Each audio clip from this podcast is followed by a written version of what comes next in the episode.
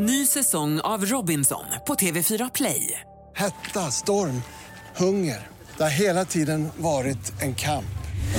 Nu är det blod och tårar. Fan händer just nu. Det. är Detta är inte okej. Robinson 2024, nu fucking kör vi! Streama söndag på TV4 Play. Du lyssnar på en podcast från Expressen.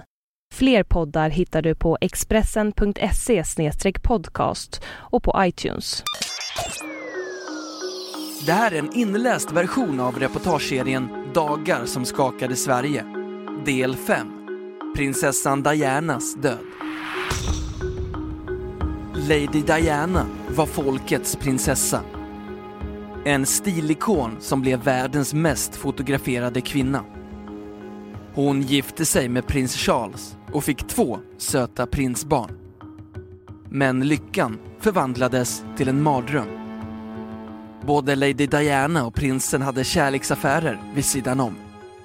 Lady Diana dog i en tragisk olycka i en biltunnel. Hennes död fick nästan britternas kungahus på fall.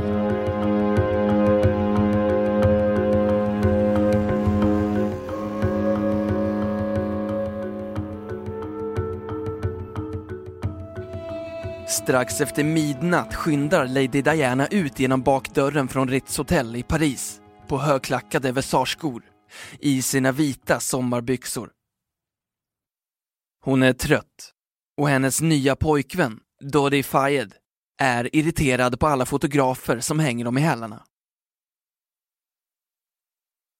De stiger in i baksätet på Mercedesen och chauffören Henry Paul trycker gasen i botten. Ett gäng paparazzis med kameror hängande på magen följer efter dem på skotrar och vespor.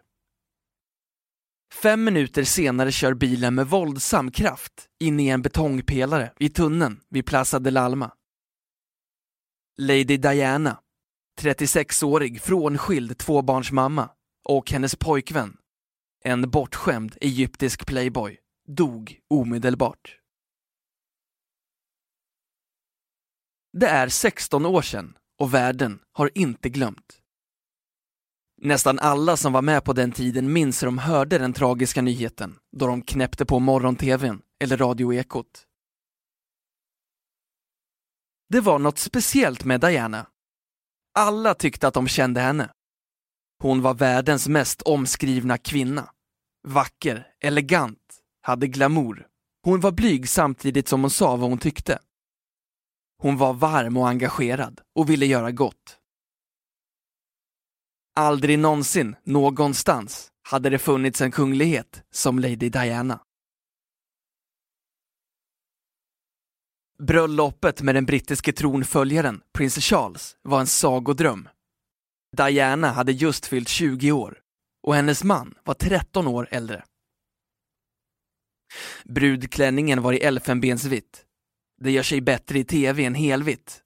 Och 750 miljoner satt framför tv-apparaterna över hela världen. Ungefär lika många som när det är VM-final i fotboll. På klänningen satt 10 000 pärlor och paljetter av pärlemor påsydda för hand. Släpet var 20 meter långt. Över 3 000 gäster, däribland drottning Silvia och kung Carl Gustav, fyllde Sankt Paulskatedralen den 29 juli 1981. Långt bak i katedralen satt en tvåbarnsmamma vid namn Camilla Parker Bowles. Vi återkommer till henne. Diana Frances Spencer föddes klockan 19.45 den 1 juli 1961 i Park House i den lilla byn Sandringham på engelska östkusten. Park House är en slottsliknande byggnad, egentligen ett annex till drottning Elisabets ännu pampigare lantställe som ligger intill. Diana föddes i rummet där hennes mormor fött hennes egen mamma.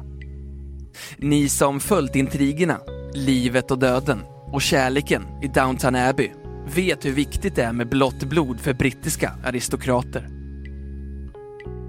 Dianas blod var av allra högsta blåa karat.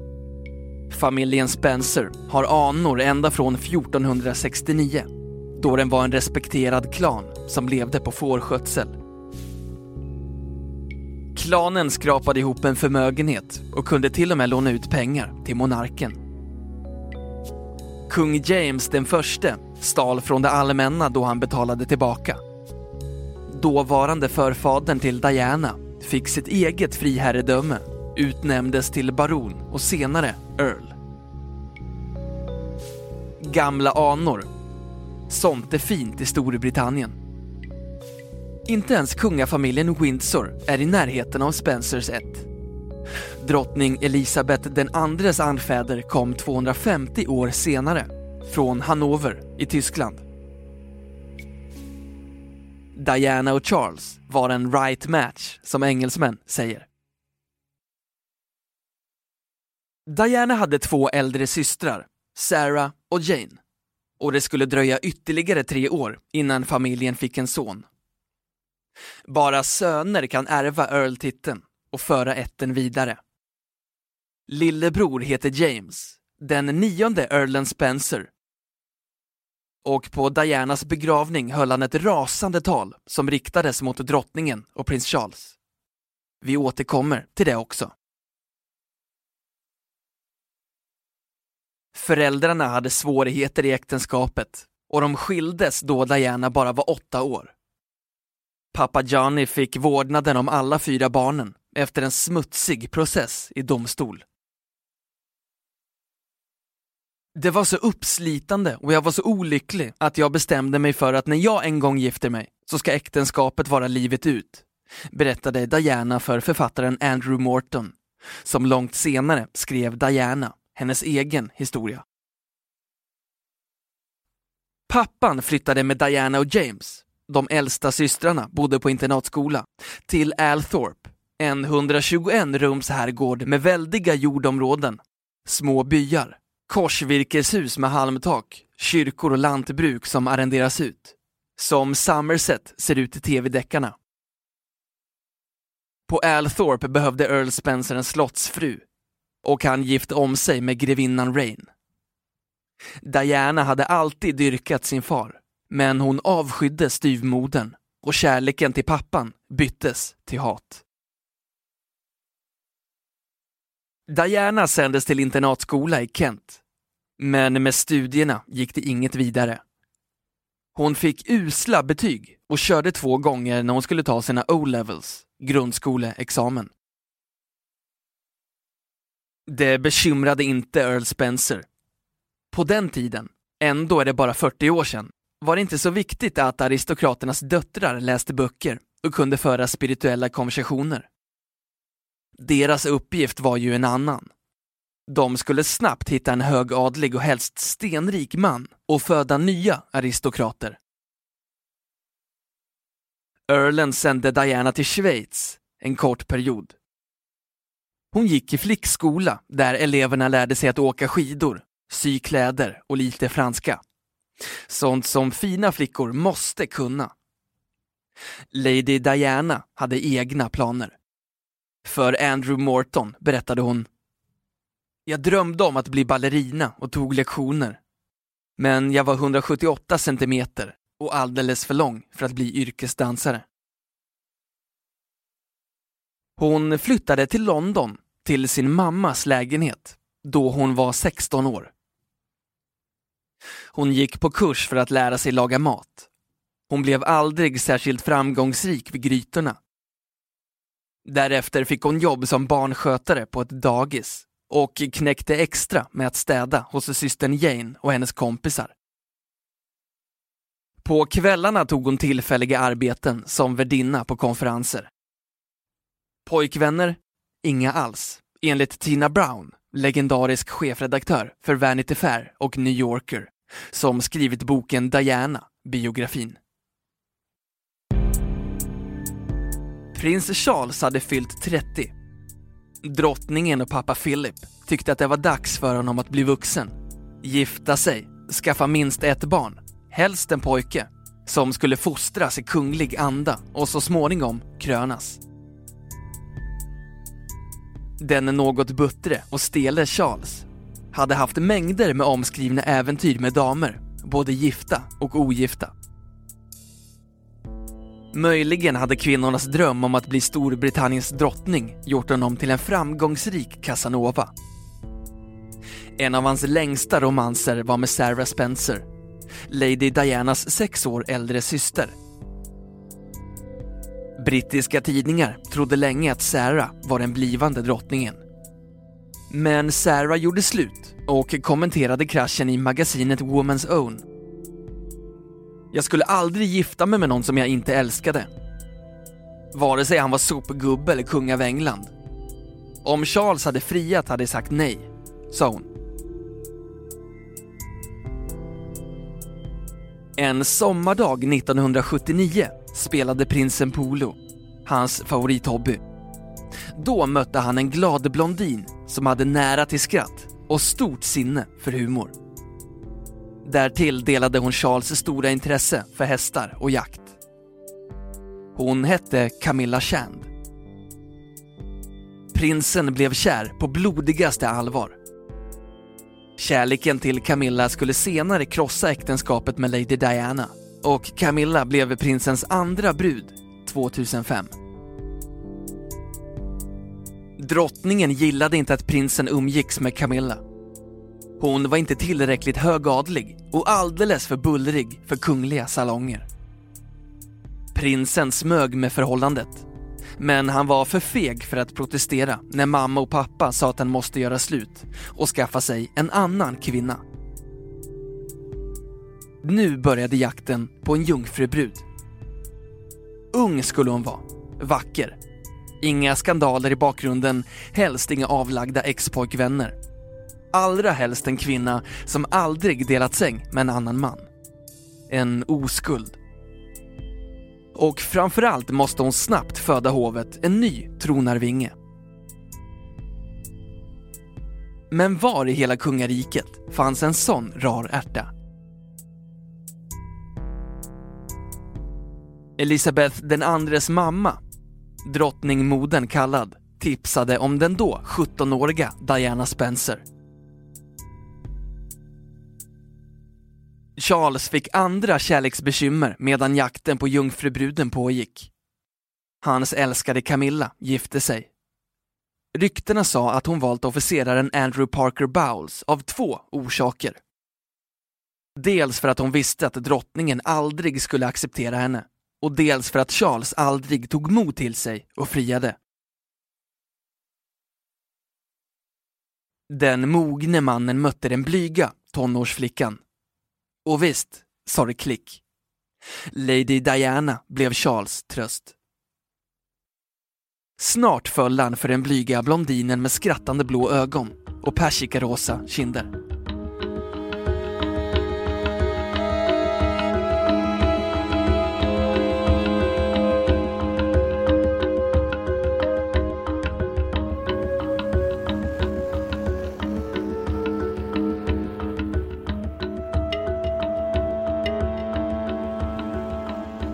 Den 24 februari 1981 var en stor dag i Buckingham Palace. Charles var 32, Diana var 19. Efter en lång romans hade de äntligen lagt bort titlarna och hon slapp kalla honom Sir. Dagen före hade Diana och hennes mamma gått till den snobbiga butiken Belleville Sassoon för att köpa dräkten som hon skulle möta pressen i. Inte många kände igen Diana då, men dagen efter skulle hon bli världsberömd. Diana kände sig kränkt när den högdragna försäljerskan behandlade henne som luft. Det påminde om scenen i filmen Pretty Woman. Diana blev ledsen och gick till Harrods istället, där hon köpte en blå kojanadräkt med blommig knytblus. I finsoffan i en av de guldglittrande palatssalarna satt den alltid lika välkammade prinsen och hans strålande flickvän. Hon hade en gnistrande förlovningsring på fingret. En stor oval blå safir med diamanter runt. Den kostade 300 000 kronor och drottningen hade både valt och betalt. Jag är verkligen glad över att Diana är beredd att acceptera mitt frieri, sa Charles till pressen. Är ni kära i varann? frågade en av reporterna. Såklart, svarade Diana och fnittrade. Vad nu ordet kär egentligen betyder, sa prinsen. Redan på förlovningsdagen lät det som att den blivande kungen av Storbritannien inte trodde på sitt äktenskap.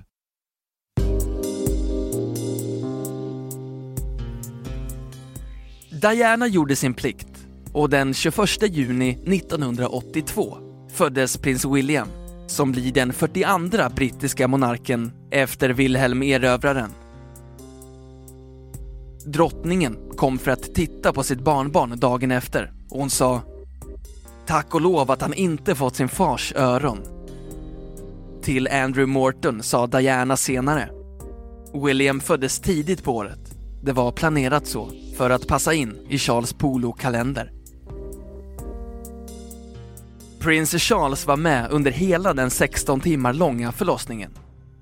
Det var första gången i brittiska monarkins historia.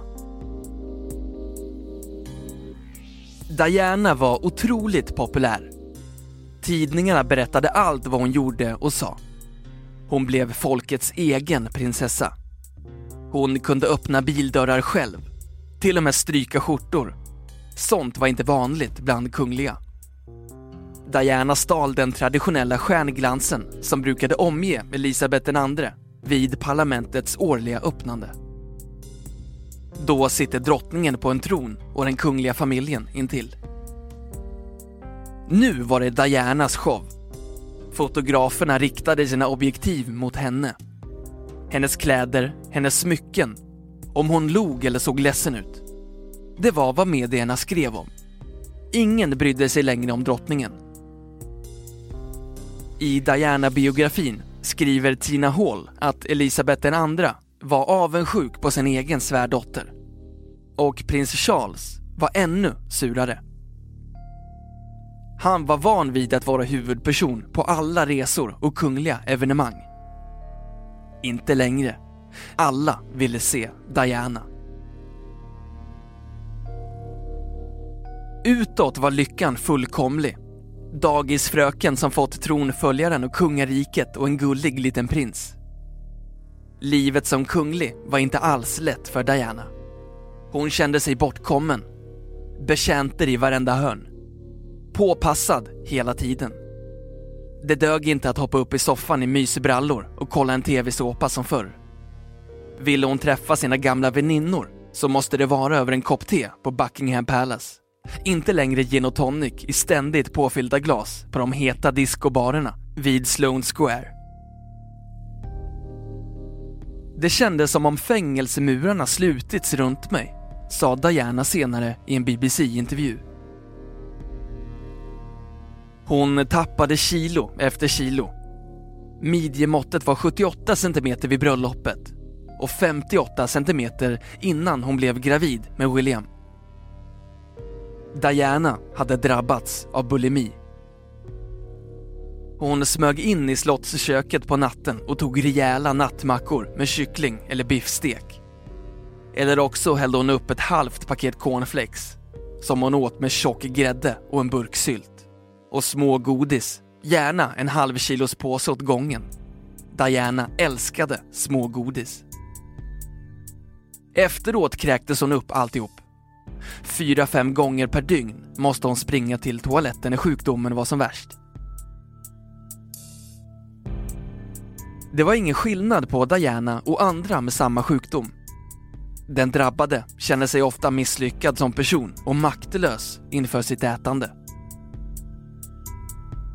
Bulimi är starkt förknippat med ångest. Och Diana kände just ångest. Över äktenskapet, över hela situationen hon satt sig i. Hon var inte lycklig. Och det berodde inte bara på sjukdomen. Skuggan av rivalen Camilla var ständigt närvarande. Vid ett tillfälle jämförde Charles och Diana sina kalendrar och ur Charles almanacka föll två foton på Camilla ut. En annan gång upptäckte Diana att han hade ett par nya manschettknappar i guld med två sammanflätade sen. Diana blev rasande och prinsen medgav att han fått knapparna i present av Camilla. Bara en vänskapsgåva, försäkrade Charles. Dianas svartsjuka varvades med en äkta kärlek. Men hon litade inte på sin man. Och hon hade rätt, skulle det visa sig.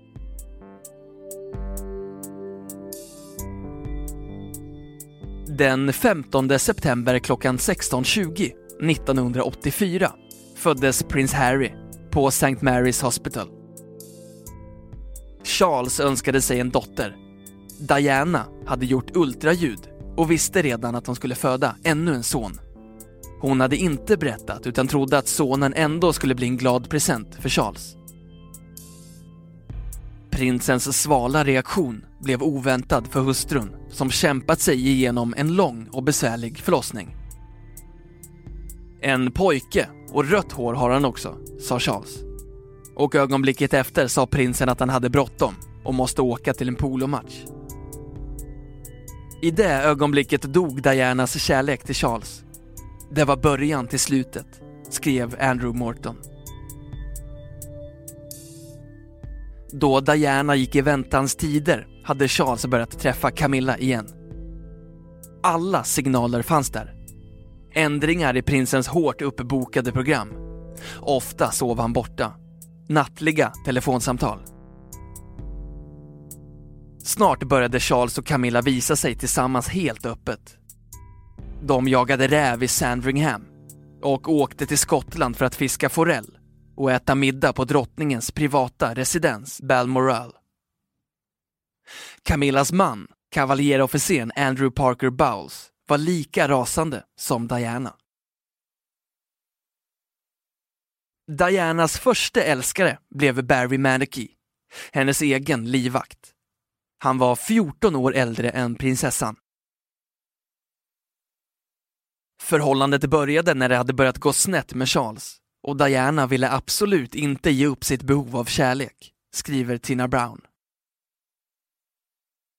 Diana hittade på tricks för att romansen med livvakten inte skulle avslöjas. Hon beställde fram det kungliga tåget istället för att flyga då hon reste bort.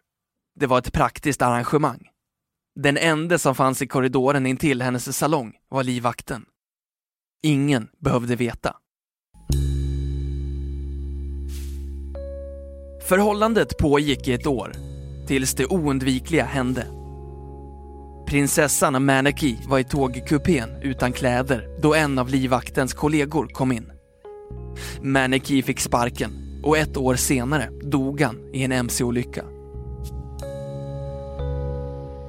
Till sin död var Diana övertygad om att Manaki mördades för att han inte skulle skvallra. Älskare nummer två hette James Hewitt. Han var tre år äldre än prinsessan och kapten i livgardet. De möttes på ett cocktailparty 1986. Diana blev förälskad i den stilige, rolige, virile officeren. Nästa gång de möttes var det hon som tog det sexuella initiativet. Prinsessan kysste Hewitt då de för ett ögonblick var ensamma på officersmässen och hon sa “Jag behöver dig. Du ger mig styrka. Jag står inte ut om jag inte får vara med dig. Jag har blivit kär i dig.” Och det var så det började, har James Hewitt själv berättat i boken Love and War. De hade hemliga sängkammarmöten i sex år. Diana kamouflerade deras smygande genom att göra Hewitt till sin ridlärare. I tajta ridbyxor, sidenskjorta och höga stövlar inställde hon sig i stallet klockan åtta på morgonen. Hewitt kom ofta på besök när prins Charles var bortrest. Det var ofta under den kritiska fasen i äktenskapet med Diana. Älskaren blev en extra pappa till småprinsarna William och Harry. De älskade att leka med mammans vän och hans svarta labrador. Ibland lekte de kuddkrig. Flera gånger besökte prinsessan Hewitts föräldrar och pratade med dem medan älskaren lekte med barnen i trädgården. Mirakulöst nog hade pressen inte en susning om vad som pågick. Förhållandet tog slut då Hewitts regemente förflyttades till Tyskland, trots att Diana ringde till höga militärer för att hindra omplaceringen. Hewitt blev mångmiljonär och hatad av britterna efter att Lady Diana dött då han sålde 64 av hennes kärleksbrev till medier. I ett av dem skriver Diana I natt har jag legat vaken och känt hur mycket jag älskar dig och jag tackar Gud för att han har fört dig in i mitt liv.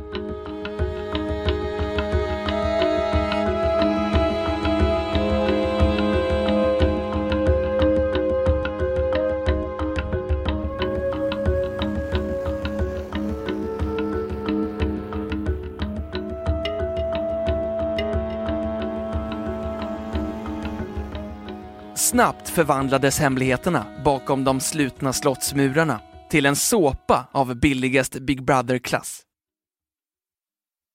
Det kom att handla om sex, lögner och kassettband. NMT hette ett gammalt system för mobiltelefoni som olyckligtvis, både för prins Charles och Lady Diana, var lätt att avlyssna. Media jagade skandaler genom att hyra in folk som kunde det tekniska med att lyssna på mobilsamtal. Prince Charles erotiska längtan efter Camilla avslöjades i detalj sen News of the Worlds hovreporter Clive Goldman publicerat ett av samtalen. Artikeln med deras erotiska konversation publicerades 1992. Diana blev totalt rasande.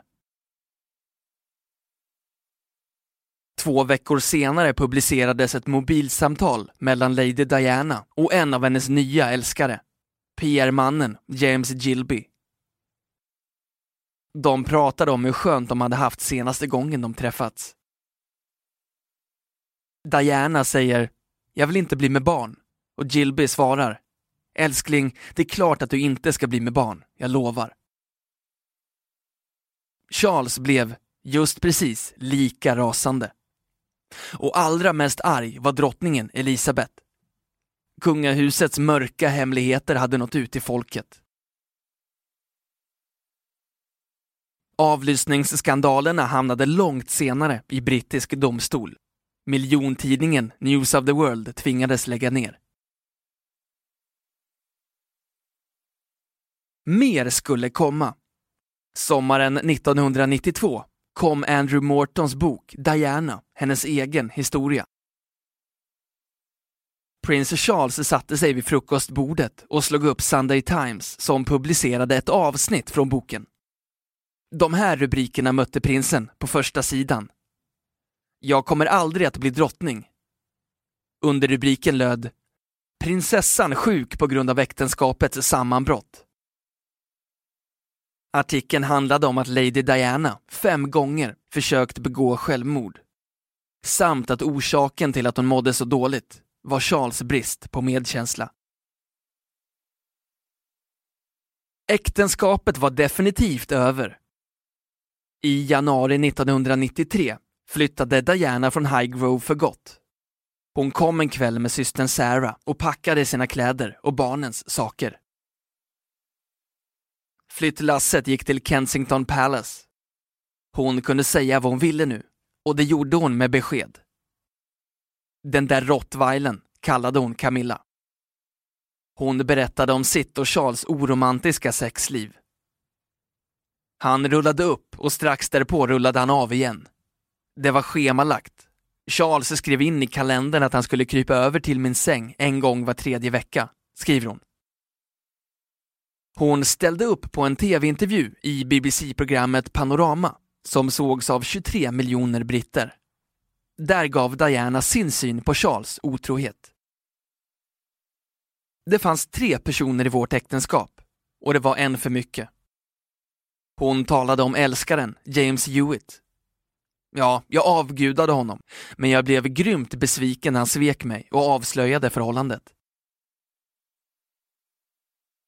Det som fick britterna att röras till tårar var den smutsiga striden mellan Diana och hovet om skilsmässan. Jag var hustrun som hade separerat från prinsen av Wales. Jag var ett problem, punkt slut. Något sånt hade de aldrig varit med om förr. Vad ska vi ta oss till med henne? Hon lägger sig ju inte ner och dör. Det är det som är problemet.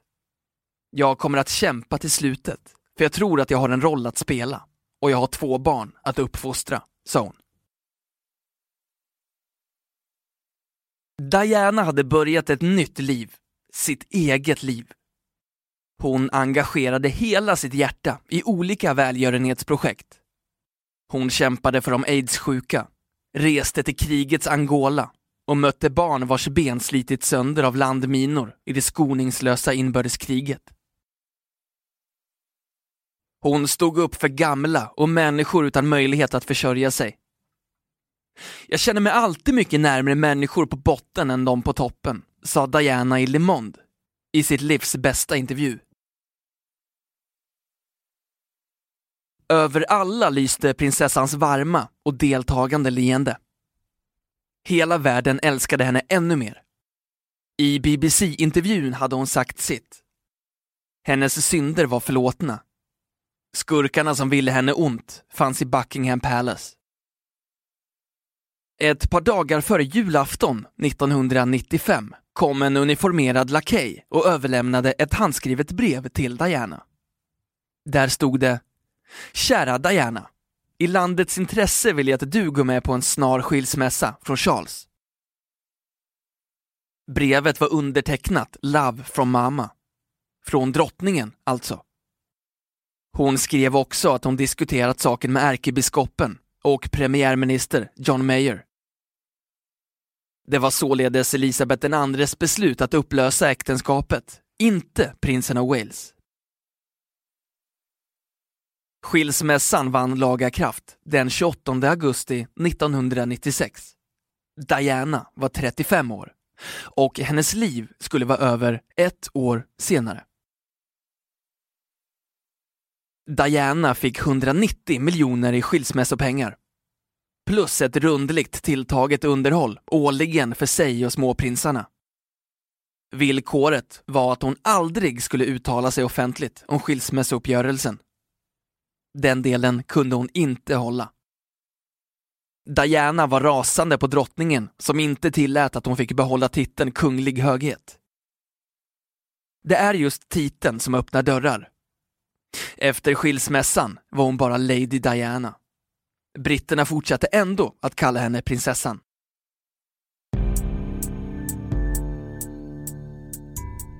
Dodi Fayed blev Dianas siste pojkvän. Han var son till den förmögna Mohammed El Fayed, som bland annat ägt det flotta varuhuset Harrods i London. Dodi var en playboy, känd för sina vackra flickvänner och vilda fester i sin villa i Beverly Hills. Han kallade sig affärsman, men hade sällan tid för business. Istället ägnade han tillvaron till att jetsätta runt i världen och sätta sprätt på pappas pengar. Sommaren 1997 blev Dianas sista. Hennes senaste älskare var den pakistanske läkaren Hasnat Khan. Diana var stormkär, men Khan drog sig ur. Han vägrade att bli en officiell person som ständigt syndes i medierna.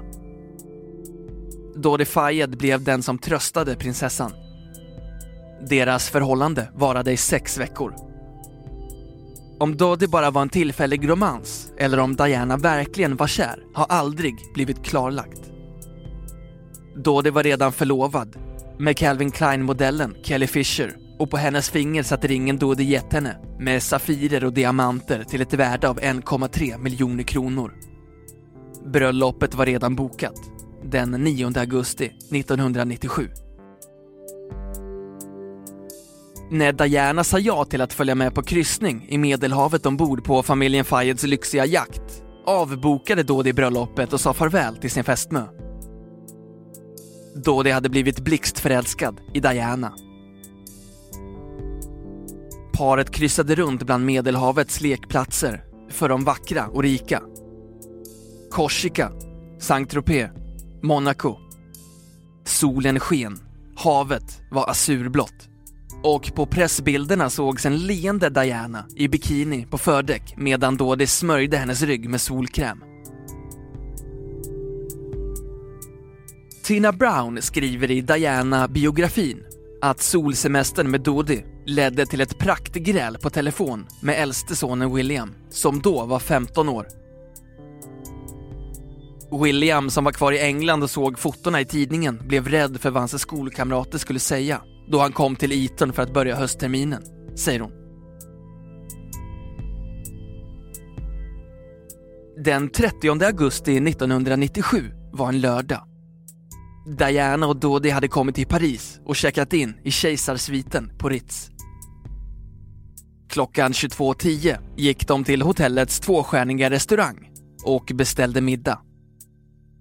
Diana tog sjötunga, Dodi valde piggvar och en flaska bubblande Tattinger.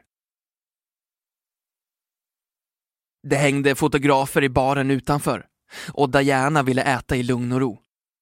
De reste sig och bad istället att få middagen serverad till sviten. Strax efter midnatt lämnade Diana och Dodi hotellet genom en bakdörr. En anställd på hotellet hade kört fram Henry Pauls svarta Mercedes S280. Diana och Dodi satte sig i baksätet. Livvakten Trevor Reese Jones tog plats intill chauffören. Fotograferna upptäckte att paret var på väg att lämna hotellet. I fem bilar, tre motorcyklar och två vespor följde de efter. Fem minuter senare kraschade Mercedesen med en hastighet av 110 km i timmen in i den trettonde av betongpelarna i tunneln vid Plaza del Alma. Dianas hjärta slutade slå tre timmar senare på sjukhuset. Då det och chauffören Henry Paul dog omedelbart. Livvakten Reese Jones skadades svårt, men överlevde. Lady Diana begravdes i Westminster Abbey. Kistan var draperad i den kungliga fanan och täckt med liljor, prinsessans älsklingsblommor. Inne i kyrkan sjöng hennes vän Elton John en sorgsen popmelodi som rörde allas hjärtan. Candle in the Wind, som Elton egentligen skrivit för Marilyn Monroe, en annan olycklig stjärna. Dianas bror, Earl Spencer, höll ett tal som var starkt kritiskt mot drottningen, som tagit från Diana rätten att kallas hennes kungliga höghet. Så här, sa han. Diana visade att hon inte behövde någon titel för att utstråla den särskilda trollkraft hon hade. Jag lovar härmed högtidligen att vi, hennes blodsfränder, ska se till att dessa två mycket speciella unga män ska få fortsätta längs den kärleksfulla och fantastiska väg som du valt för dem. Så att deras själar inte bara ska lära plikt och tradition, utan också få sjunga så fritt som du hade velat. Med de speciella unga männen menade han prinsarna William och Harry. Familjen Spencer skulle fostra dem inte familjen Windsor. Talet följdes av en djup tystnad. Så hördes ett smatter som blev högre och högre. För första gången i Westminster Abbeys tusenåriga historia dånade en applådåska under de gotiska pelarna. Drottningen stirrade rakt fram med ett stenansikte. Prins Charles var så arg att hovfolket hindrade honom från att ställa sig framför tv-kamerorna och göra ett uttalande efteråt. Dianas liv hade skakat Windsor. Hennes död blev ett obehagligt sanningens ögonblick för den brittiska monarkin. Drottningen tvingades inse att gamla traditioner och ritualer från Wilhelm erövrarens dagar inte duger idag. Diana vann folkets kärlek. Drottningen och den blivande kungen Charles var förlorare.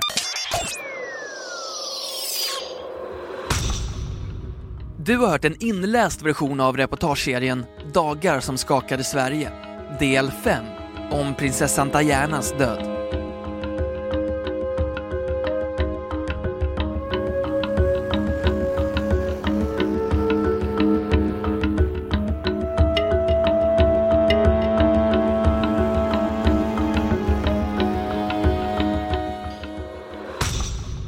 Du har lyssnat på en podcast från Expressen. Ansvarig utgivare är Thomas Mattsson. Fler poddar finns på Expressen.se och på iTunes. Ny säsong av Robinson på TV4 Play. Hetta, storm, hunger. Det har hela tiden varit en kamp. Nu är det blod och tårar. Fan händer just nu. Det. är Detta är inte okej. Robinson 2024, nu fucking kör vi! Streama söndag på TV4 Play.